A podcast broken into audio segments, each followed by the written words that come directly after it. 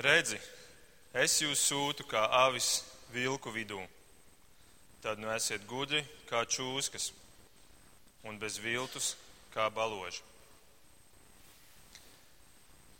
Mīļais kungs, paldies par šiem vārdiem. Paldies par tavu vārdu. Paldies, ka tu esi gans, kurš vada mūs, lūdzu, vadi mūs arī šodien šajā mācību stundā, lai tas būtu tavs vārds, kas tiek sludināts. Dod dzirdīgas ausis un dod gudrību mums saprast to. To mēs lūdzam Jēzus vārdā. Āmen.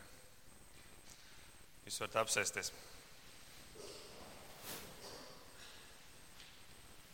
Ļaujiet man sākt ar jautājumu, kad jūs pēdējo reizi esat mācījušies no dzīvniekiem?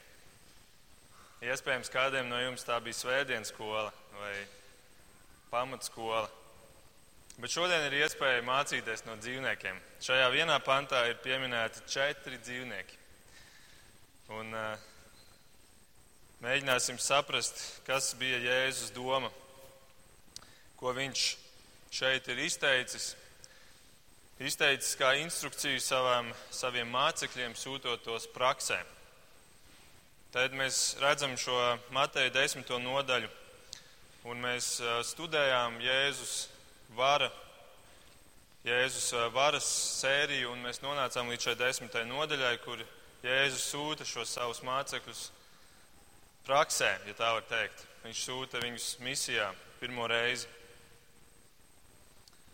Un Jēzus jau pirms šī, šī šodienas panta ir nodevis dažādas instrukcijas, kur viņiem ir jāiet, kā viņiem jāiet, ir pa grupām, pa diviem, kas viņiem ir jāņem līdzi un kā viņiem ir jārīkojas dažādās situācijās. Un iespējams mācekļiem jau tur bija tāds patīkams satraukums, ka nu, mēs varēsim doties Jēzus vārdā, šī Jēzus brīnuma dara vārdā, kurš, kurš vēl bija diezgan populārs pūļu acīs šajā posmā. Un viņi varbūt divatā tur jau grupiņās sastājušies bija un, un jau runāja, varbūt Pēters ar Jāni runāja par to, kurš būs tas, kurš pirmais tur klauvēs pie durvīm, kurš teiks ko un kā viņi rīkosies. Un, Un šī, šajās sarunās tad pēkšņi notiek kāds pavērsiens, un es ticu, ka iestājās klusums. Kā ap, apklusa viss šīs sarunas un šie čuksti. Jo Jēzus pēkšņi pasaka šo teikumu: Redzi, es jūs sūtu kā avis vilku vidū. Pirmām kārtām viņš sāk šo teikumu ar redzi. Atcerieties, tas ir uzsvars. Redzi, skatieties, tagad klausieties. Un te viņš saka, ka es jūs sūtīšu kā avis vilku starpā. Viņi to laik daudz labāk saprata, ko nozīmē būt ganam, ganīt avis, ko nozīmē vilku uzbrukumi. Mums šodien droši vien to ir grūtāk saprast, tāpēc, ka es nezinu, cik jums ir draugi, kuri gana avis. Varbūt kādam kāds ir, bet tas ir diezgan tāda um, sveša lieta mums. Un tāpēc es bišķiņ palasīju, ko saka tie, kuri dara to ikdienā, šodien. Un, um, ir tāda Sūzena Šeinaina, uh, aitu un kāzu speciālisti Merilēnas universitātē, kur pati to uh, gana avis no septiņu gadu vecuma.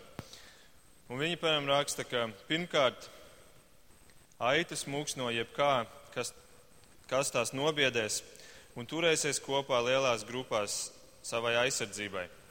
Tā ir viņu vienīgā aizsardzība pret plēsējiem. Kad viena aita sāk kustēties, pārējais, pārējās tai seko, pat ja tā nav laba doma. Pulcēšanās un sekošanas instinkts aitām ir tik spēcīgs, ka tas, piemēram, izraisīs 400 aitu nāvi 2006. gada um, Turcijas austrumos. Todien aitas nositās, kad viena no tām centās pārliekt 15 metru dziļai aizai, un pārējās sekoja. Citādi beigas. Vai arī, piemēram, Filips Kellers savā grāmatā Gans skatās uz 23. psalmu, stāsta no savas paša pieredzes, kad viņš ir bijis um, kalpojis un strādājis par ganu. Un viņš raksta šādi. Aitas ir jāizsargā no indīgām nezālēm. Tādēļ ganam ir jāiet ganam pulkam pa priekšu un jāgādā, lai nebūtu šo indīgo nezāļu. Tās ir arī jūtīgas pret laikapstākļiem, pret parazītiem, kas piesūtas aitas ķermenim, pret visu veidu slimībām un īpaši pret kukaiņiem. Ir mušas, kas sagādā aitām tik lielas problēmas, ka tās mēdz daudzīt savas galvas pret klintīm vai kokiem līdz nāvei, nespējot paciest mušu dūkšanu ap acīm un ausīm. Ļoti bieži mušas nosēžas aitai acīs un tur izliek savus oliņus, kas aitai beigās izraisa aklumu.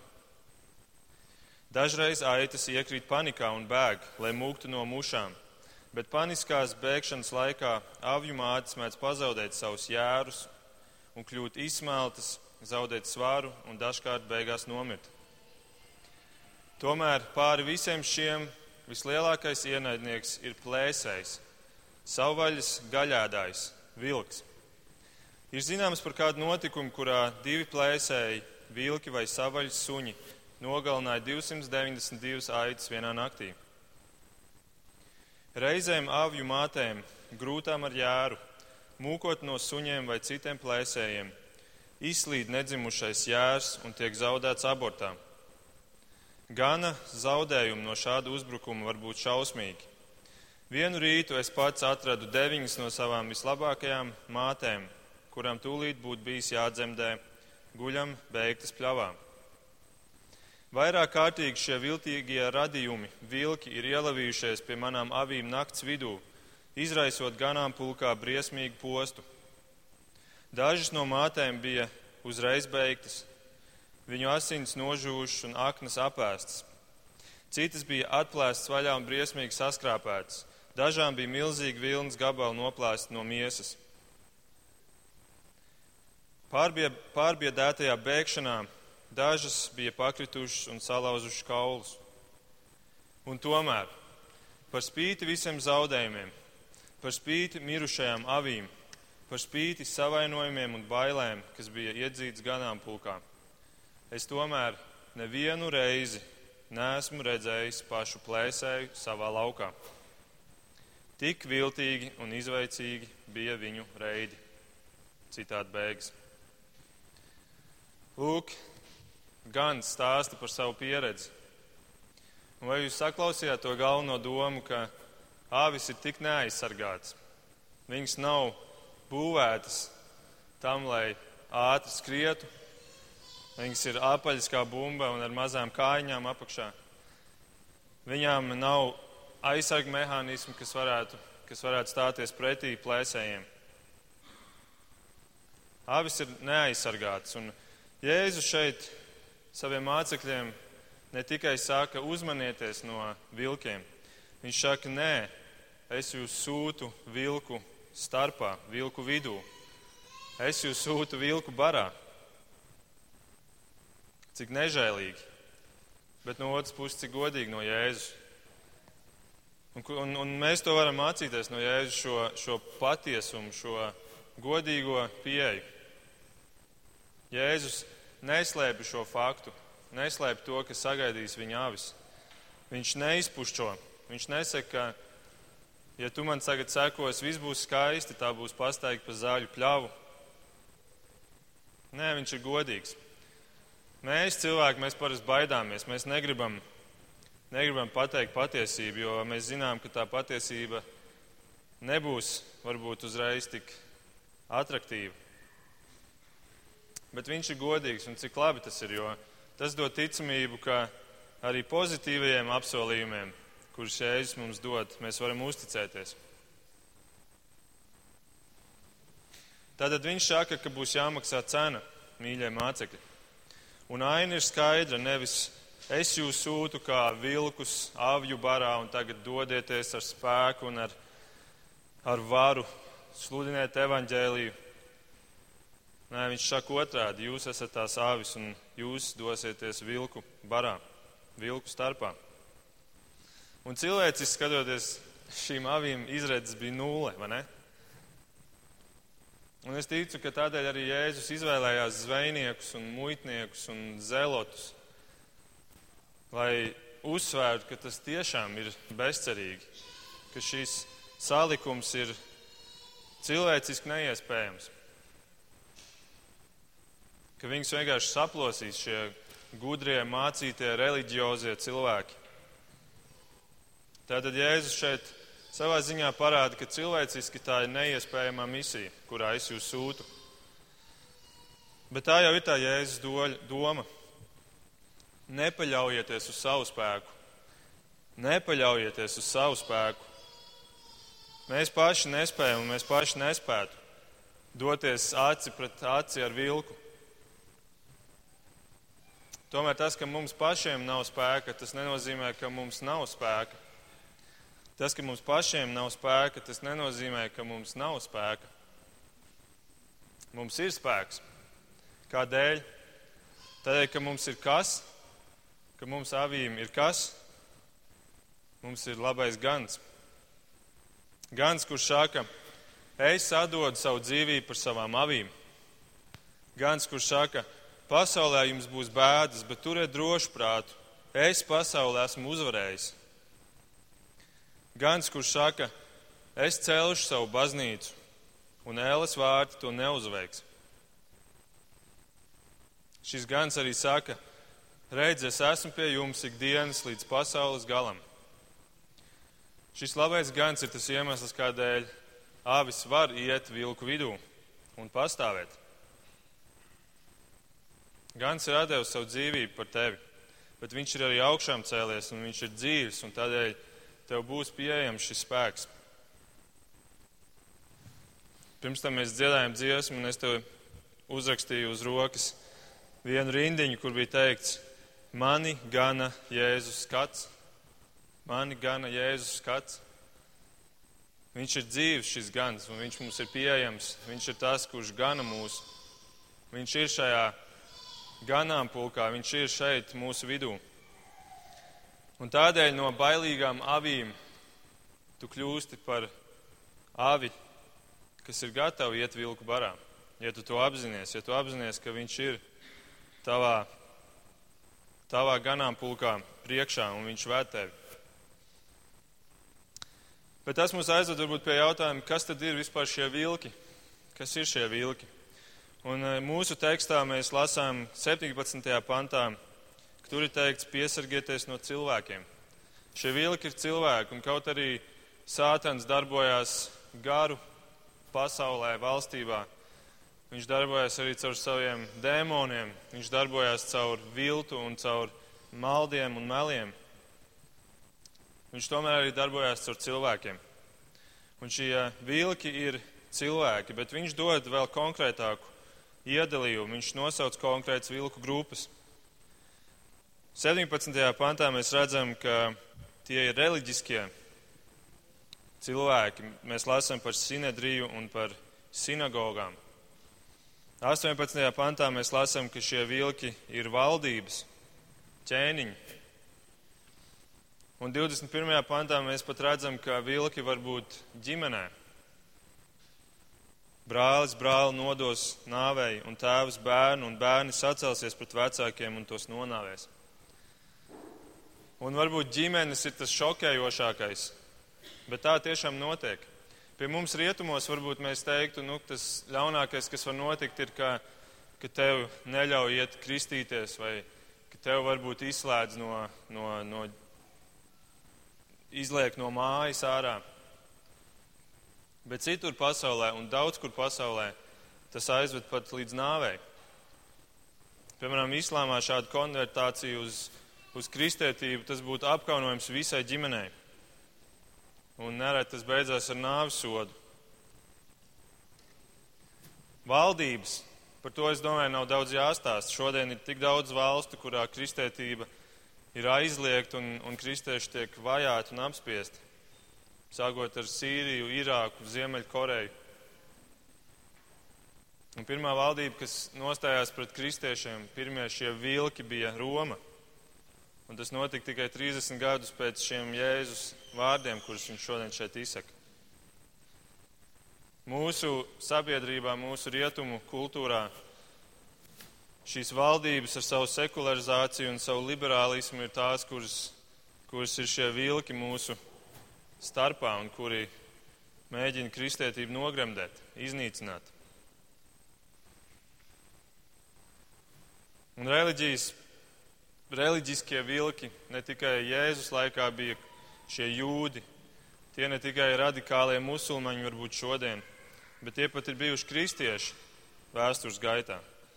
Romas katolicisms vajāja reformatorus. Un, un tikai tāpēc, ka daudz atdeva savas dzīvības un izlēja savus asins, mēs šodien varam būt šeit kā protestanti, kā baptisti. Es šobrīd lasu to grāmatu, kuru Jānis Šmits pagājušajā svētdienā pieminēja par Viljamu Fetleru, kurš ir iespējams pazīstamākais latviešu sludinātājs ārzemēs. Fetlers, kurš, kuram ietekmi bija Čārls Perdžens un kurš gāja un ar līdzīgu spēku sludināja Krievijā, tā laika cariskajā Krievijā. Un viņš tur raksta, ja par viņu tur raksta, ka ka pat baptistus vajāja te Latvijā. Toreiz bija pareizticīgā baznīca austrumos un luteriskā baznīca rietumos, un, un, un baptisms bija sekta. Un tie, kuri ticēja tam, kam mēs šodien ticam, viņi tika vajāti. Viņš tur, piemēram, par viņu rakstīts, ka 15 gadu vecumā Viljams pieņēma Kristu par savu pestītāju, kad viņa tēvs Andrejs sludināja mazajā baptistu mājas draudzītē. Bet tā kā vietējie iedzīvotāji viņus varēja vajāt, tēvs neriskēja, un viņam vajadzēja nogaidīt līdz pusnaktī, lai varētu Viljamu un citus jaunatgrieztos bibliski pagremdēt netālu no pilsētas esošajā upē. Viljams vēlāk atcerējās asinīm notraipīto tēva seju, kad vietējie bija apmētājuši viņa ar akmeņiem. Tēvam un dēlam vajadzēja bēgt uz tuvējo mežu, lai paslēptos. Bet nākamajā dienā atkal abi atgriezās savā pieticīgajā mājoklī, kur Andrejs atsāka evanģelizācijas sludināšanu. Viljams nekad neaizmirst savu tēvu piemēru. Bet par šiem ārējiem uzbrukumiem daudz bīstamāk ir iekšējie uzbrukumi, tie, kas nāk no iekšienes. Un, un Jānis Šmīts pagājušajā reizē pareizi uzskaitīja dažādas lietas un pieminēja arī sinkrētismu jeb šo mācību sapludināšanu, mūru nojaukšanu. Un tas ir viens no draudiem, un, un, un ekumē, ekumēnisms ir, ir, ir šāda kompromisa kustība, kas varbūt politikā labi strādā, bet, bet draudzē tam tas nedrīkst notikt. Un ekumēnisms ir savā ziņā tieši tas, ko Bībele sola mums pēdējiem laikiem ka būs viena pasaules reliģija, viss saplūdīs kopā vienā lielā. Tātad vilki no Jēzus dienām līdz pat šodienai ir mums apkārt. Un kādēļ viņi mūs ienīst? Mūsu pašu dēļ? Nē, Jēzus 22. pantā saka, visi jūs nicinās mana vārda dēļ, mana vārda dēļ. Un ja tev kāds stājās pretī, tad atceries, ka tas nav tevis dēļ. Vismaz rūpējies par to, lai tas nebūtu tevis dēļ, lai tas nebūtu tavs sliktais raksturs vai tava, tavs sliktais dzīvesveids, kur dēļ viņi tev vajā. Dzīvo dzīvi tādu, lai, lai tu varētu būt droši, ka, ka tas ir Kristus, kur, kādēļ viņi vajā tevi.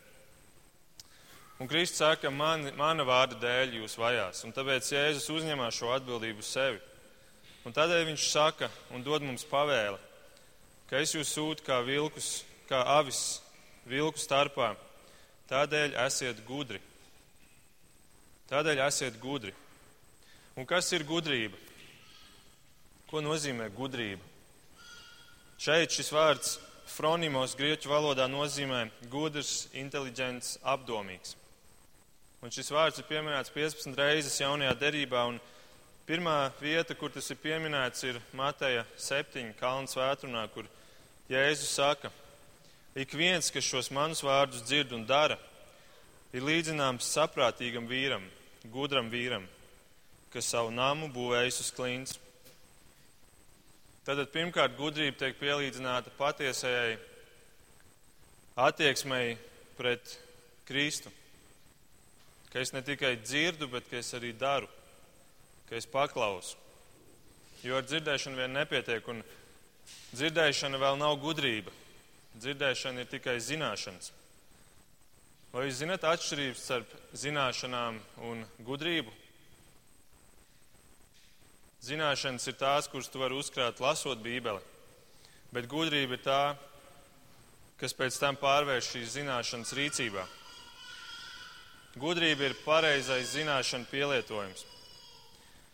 Piemēram, zināšana saprot, ka luksuforā ir ieslēgusies sarkanā gaisma, bet gudrība liek piespiest bremzes.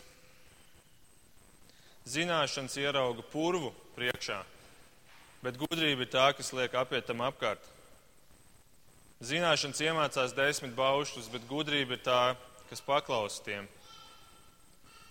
Zināšanas mācās par Dievu, bet gudrība ir tā, kas iemīl Dievu. Un varbūt mēs cilvēki, kuri ir jauni, jaunāki par mani, viņi skrien, lai uzkrātu zināšanas skolās un mācību iestādēs. Bet gudrībai bieži vien ir vajadzīga dzīves pieredze. Mārtiņš Luters tāpēc ir teicis, ja jūs jaunieši būtu gudri, vēlams jums neko nespētu izdarīt. Bet tādēļ, ka jūs neesat gudri, jums esat, esam vajadzīgi mēs, kuri esam veci. Un doktors Svens Honers, mācītājs, ir teicis, ka, ja tev trūks zināšanu, ej uz skolu. Ja tev trūks gudrības, meties ceļos. Zināšanas nav gudrība. Gudrība ir zināšanu pareiza pielietošana. Tādēļ gudrs ir tas, kurš dzird un kurš seko Kristum un kurš dara to, ko Kristus saka. Un to Jēzus pieprasa šeit no saviem mācekļiem. Esiet gudri.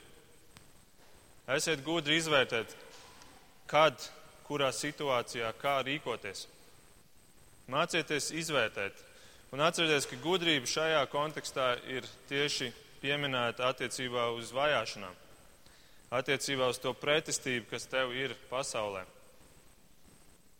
attiecināta uz vilkiem. Tur tu nevari iet vienkārši un lietot jebkādas metodas evanģelizācijai. Tev jābūt saprātīgam.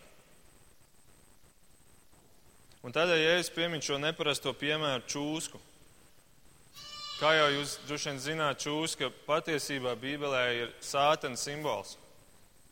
Čūska parādās jau pirmajā Bībeles grāmatā kā sātans, un Šī čūska līdz Bībeles pēdējai grāmatai izrādās ir izaugusi par lielu puķi, kurš stājās pretī Kristus darbam, kā atklāsmes grāmatā ir minēts. Bet, ja es šeit nesaku, esiet kā sātans, protams, viņš šeit runā par fizisko čūsku, kurš savus uzbūves dēļ ir tik lokana un tik spējīga izlīst un izlocīties cauri visdažādākajiem šķēršļiem. Tā ir Jēzus doma. Jūsu dzīve nebūs viegla, tādēļ mācieties gudrību, kā izlocīties, kā pielietot pareizi tos resursus, kas jums ir doti. Un Jēzus dod trīs konkrētus piemērus, kā šo gudrību pielietot. Pirmkārt, viņš 17. pantā saka, piesargieties. Piesargieties. Domājiet līdzi, ko kad teikt un ko kad neteikt. Piesargieties! Vilku vidū tu nevari vienmēr ar izplastām krūtīm un ar pilnu muti iet un dot vaļā. Un Jēzus to ļoti labi parādīja pats, kad viņam uzdeva jautājumu, saka Jēzu, vai Cēzaram ir jāmaksā nodokļi. Viņa gudrības pilnā atbild bija: dodiet Cēzaram, kas Cēzaram pieder, un Dievam, kas Dievam pieder. Kas par gudrību? Viņš varēja sākt uzrunu par to, cik, cik Cēzars ir ļauns, kas viņš ir pa pagānu, ar kādām elgdievībām viņš nodarbojas, kādu mūžīgu sodu viņš saņems. Bet Jēzus zināja, kad ne, nevar teikt pārāk daudz. Un pirms savas nāves viņš stājās vairāku valdnieku priekšā, un reizēm viņš vienkārši klusēja, tad, kad viņam uzdeva jautājumu. Viņš vienkārši klusēja. Un šie valdnieki par to brīnījās. esi gudrs, piesargoties. Pareizajā laikā saki pareizo, zinot, ka pasaule negrib dzirdēt šo vēsti, šo dzīvības vēsti. Viņi to negrib dzirdēt. Un tomēr, tā kā tas var aizvest tevi pie tādas pasīvās attieksmes, tad nākamais, nākamais, um, jā, nākamais, nākamā pavēle ir neuztraucieties, ko jūs teiksiet. Tātad mums tomēr ir jāsaka. Tu nevari tikai vairs neko neteikt un dzīvot savu kristīgo dzīvi savās četrās sienās, domādams, ka tu esi ļoti gudrs, jo tu izvairies no visām briesmām. Tev ir jārunā. Un tāpēc viņš saka, neuztraucieties, ko jūs teiksiet 19. pantā. Tikai izvairīties neies cauri, jo kāda jēga tad ir sūtīt āvis vilku, vilku barā. Un mēs jau nedodamies vilku barā tādēļ, ka mums gribās vilkus satikt, bet mēs zinām, ka ir vēl citas avis, kurām ir jādzird šis dzīvības vārds. Bet šie vilki centīsies atturēt, un reizēm tev būs jāstājās viņu priekšā, un tev būs jārunā. Un Jēzus saka, neuztraucieties, kā un ko jūs runāsiet, jo tajā pašā brīdī jums tiks dots, kas jāsaka. Jo jūs nebūsiet tie, kas runā, bet jūsu tēvs, tēva gars jūsos runās. Tātad pārdabiski vārdi. Svētais gars dos vārdus. Un mēs par to varam būt droši tādēļ, ka mēs jau Jēzus dēļ vispār nonākam šajās situācijās. Tad Jēzus pats par to parūpēsies, viņam ir resursi. Un, ziniet, reizēm Jēzus un Dievs pieļauj šādas situācijas tikai tādai vien, lai viņa vēstneši tiek tur, tiek līdz turienei, līdz tām vietām, līdz tām tumšajām vietām, kur citādi neviens netiktu. Tāpēc Jēzus pieļauj šādas vajāšanas, lai nestu gaismu tumsā. Es atceros Ričarda Vunbranda grāmatu, kur viņš raksta par šīm kristiešu vajāšanām Rumānijā, komunistiskajā Rumānijā. Un ka tur gadiem ilgi kristieši tika ieslodzīti bunkuros zem zemes, neredzot saules gaismu, dien dienā sisti un spīdzināti. Un, un tomēr šie, daudz no šiem kristiešiem to darīja ar prieku. Un viņi teica, ka mēs esam gatavi tur iet tādēļ, ka mēs apzināmies, ka tādā veidā Dievs var lietot mūs kā instrumentu šiem sargiem, kuri tur strādā kur citādi nemūžam nedzirdētu šo labo vēstu.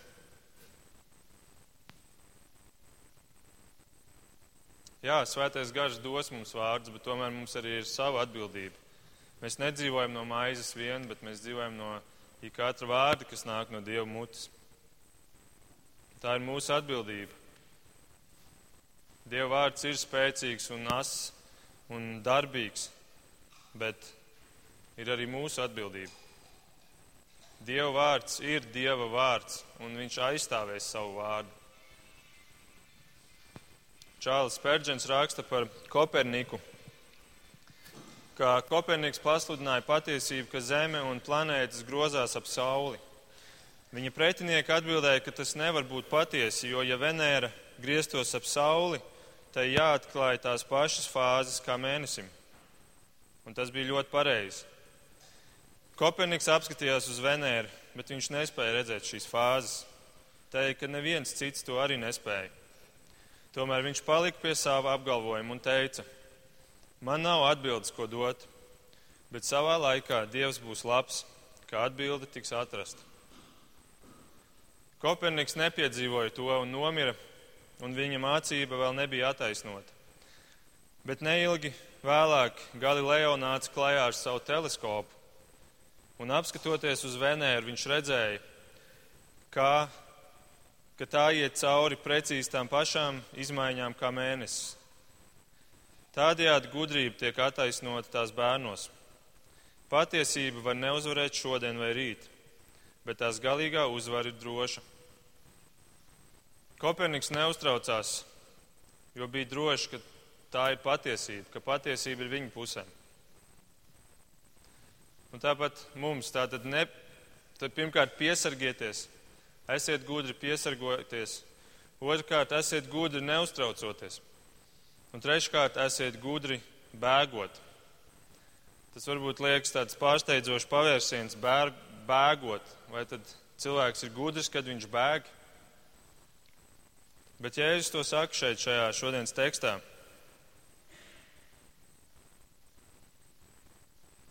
Viņš saka 23. pantā, kad jūs vajās vienā pilsētā, beidziet uz citu. Patiesi es jums saku, jūs nebūsiet vēl apstaigājuši Izraēla pilsētas, kad cilvēka dēls jau nāks. Beidziet tādēļ, ka šis darbs ir tik svarīgs, ka tas ir arī citiem jādzird. Jēzum bija reizes, kad viņam bija jābēg, kad viņu gribēja nomētāt ar akmeņiem, un viņš bēga. Pāvils vairāk kārtīgi bēga, lai darbs varētu turpināties. Pārējie mācekļi tāpat arī darīja. Un tad jautājums ir, kā ir mana dzīve? Man varbūt arī reizēm ir jāizdara šāda izvēle. Man varbūt reizēm ir jābēg no vienas darba vietas uz citu. Varbūt reizēm man ir jābēg no vienas māju vietas uz citu, ģimenes dēļ. Un es šeit nerunāju par, par laulību šķiršanu vai tam līdzīgām lietām, bet par šīm vajāšanām. Citreiz jābēg no pilsētas uz citu vietu. Dažreiz jābēg no draudzes uz citu vietu, kurā ir iemitinājušies vilki, kā, kā Pāvils to teica, ka viņš, ka viņš baidās, kad nāk šie vilki un Pēters. Jo vilku dēļ var kļūt bīstami. Tātad esiet gudri kā čūskas, un šim teikumam ir vēl kāds aspekts. Čūska seno eģiptiešu laikā bija gudrības un viltības simbols. Pirmā mūzes 3.1 ir teikts, ka čūska bija visviltīgākā no visiem lauku zvēriem, ko Dievs tas kungs bija radījis. Tā teica sievai, vai tad tiešām Dievs tev ir teicis, nēdiet ne no viena koka dārzā? Un te mēs redzam šo, šo gudrību, kura var izpausties arī viltībā. Ka tu nepasaki tieši, ka Dievs ir kaut ko nepareizi pateicis, bet tu to uzdod jautājumu formā. Tu sēji šaubas cilvēkā. Šī čūska, šis sātens izlokās tieši varbūt nemelojot par Dievu. Tāda kā baltie meli. Un tāds ir sātens, viņš ir ļoti gudrs un viņš ir ļoti viltīgs. Viņš nenāk cilvēku priekšā un saka, šeit es esmu sātens. Viņš nāk kā gaismas eņģels. Viņš ir ļoti viltīgs, tā ir viņa īpašība. Un tieši tādēļ Jēzus visticamāk piemin šo otro teikumu. Esiet gudri kā čūskas, bet esiet arī bez viltus kā baloži. Lai jūsu gudrība neizpaužas tajā veidā, kā sātens to pielieto.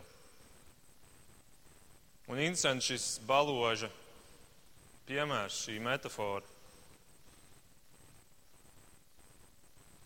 Balodas. Mēs varētu domāt, kādēļ, kādēļ balodis? Ja svētais gars nāca balošu formā, un, un varbūt, varbūt tā doma ir, ka, ka piemērotāks putns varbūt būtu kāds ērglis vai vanaks, kurš ir simbols spēkam, varai. Tā kā Amerikas Savienotās valstis lieto šo ērgļa simbolu vai Vācijas simbolikā, bet balodis Balots tādēļ, ka Dievam svarīgākais ir svētums. Dievam svarīgākais ir svētums, un šis, šis vārds bez viltus angļu tekstos ir tiek tulkots kā nevainīgs. Esi nevainīgs kā balods. Un grieķu valodā šis vārds nevainīgs nozīmē nesajaukts, skaidrs, tīrs kā vīnos vai metālos.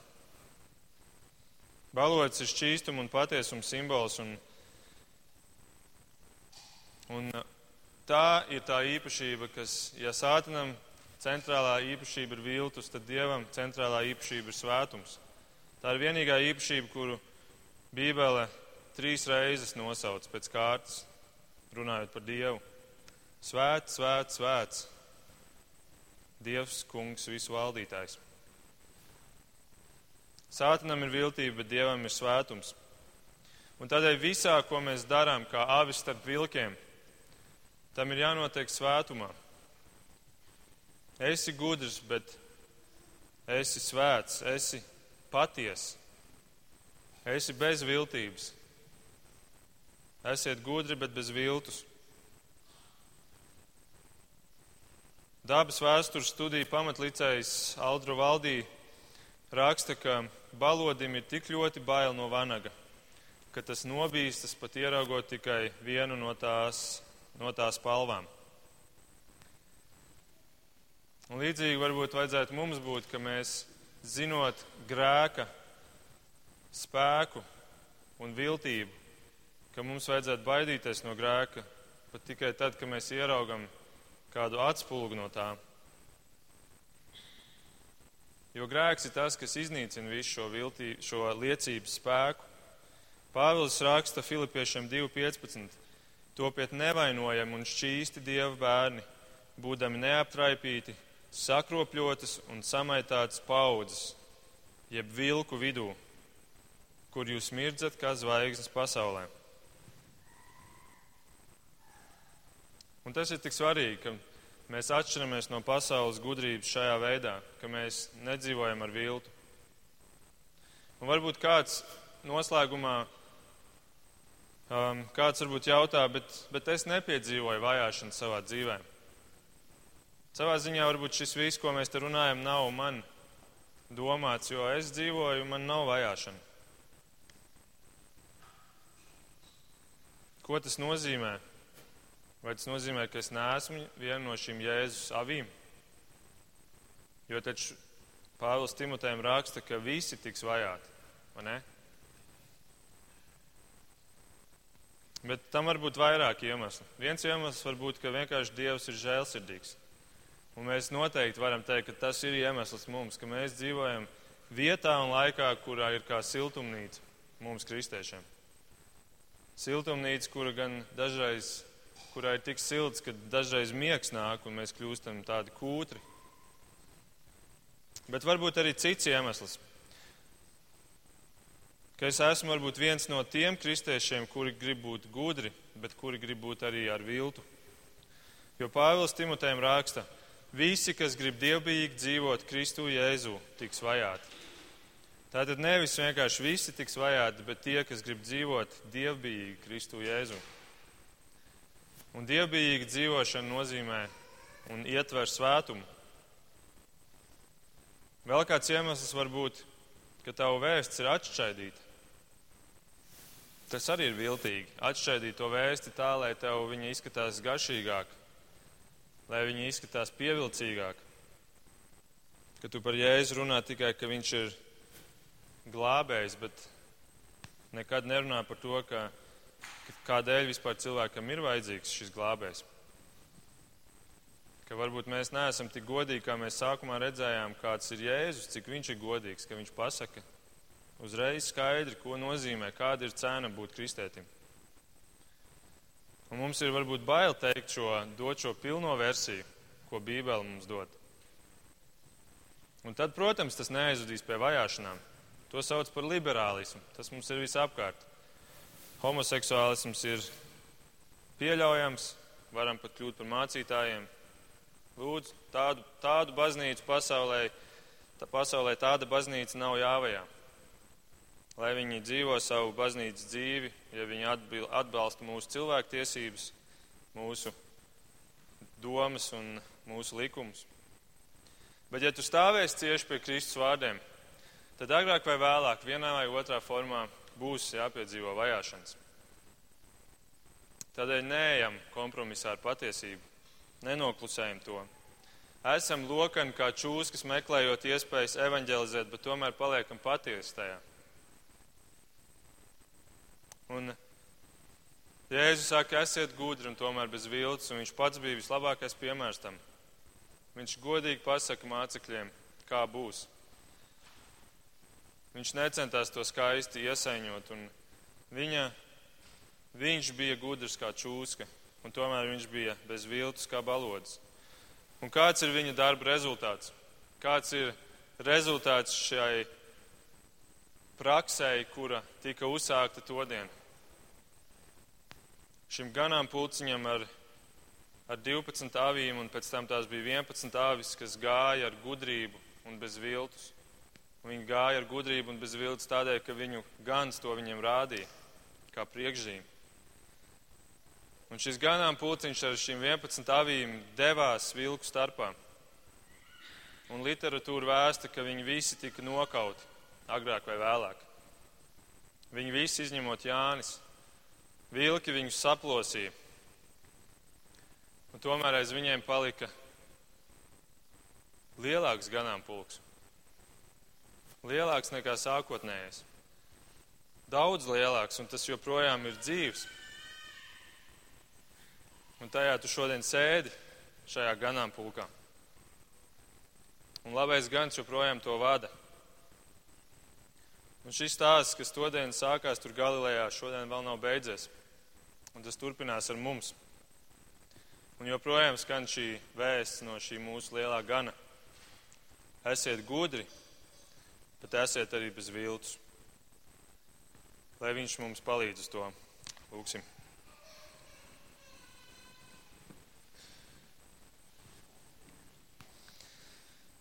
Mīļais kungs, Jēzu, paldies, ka tu esi mūsu gans. Paldies, ka tu esi šodien arī mums pieejams, ka mēs varam skatīties uz tevi.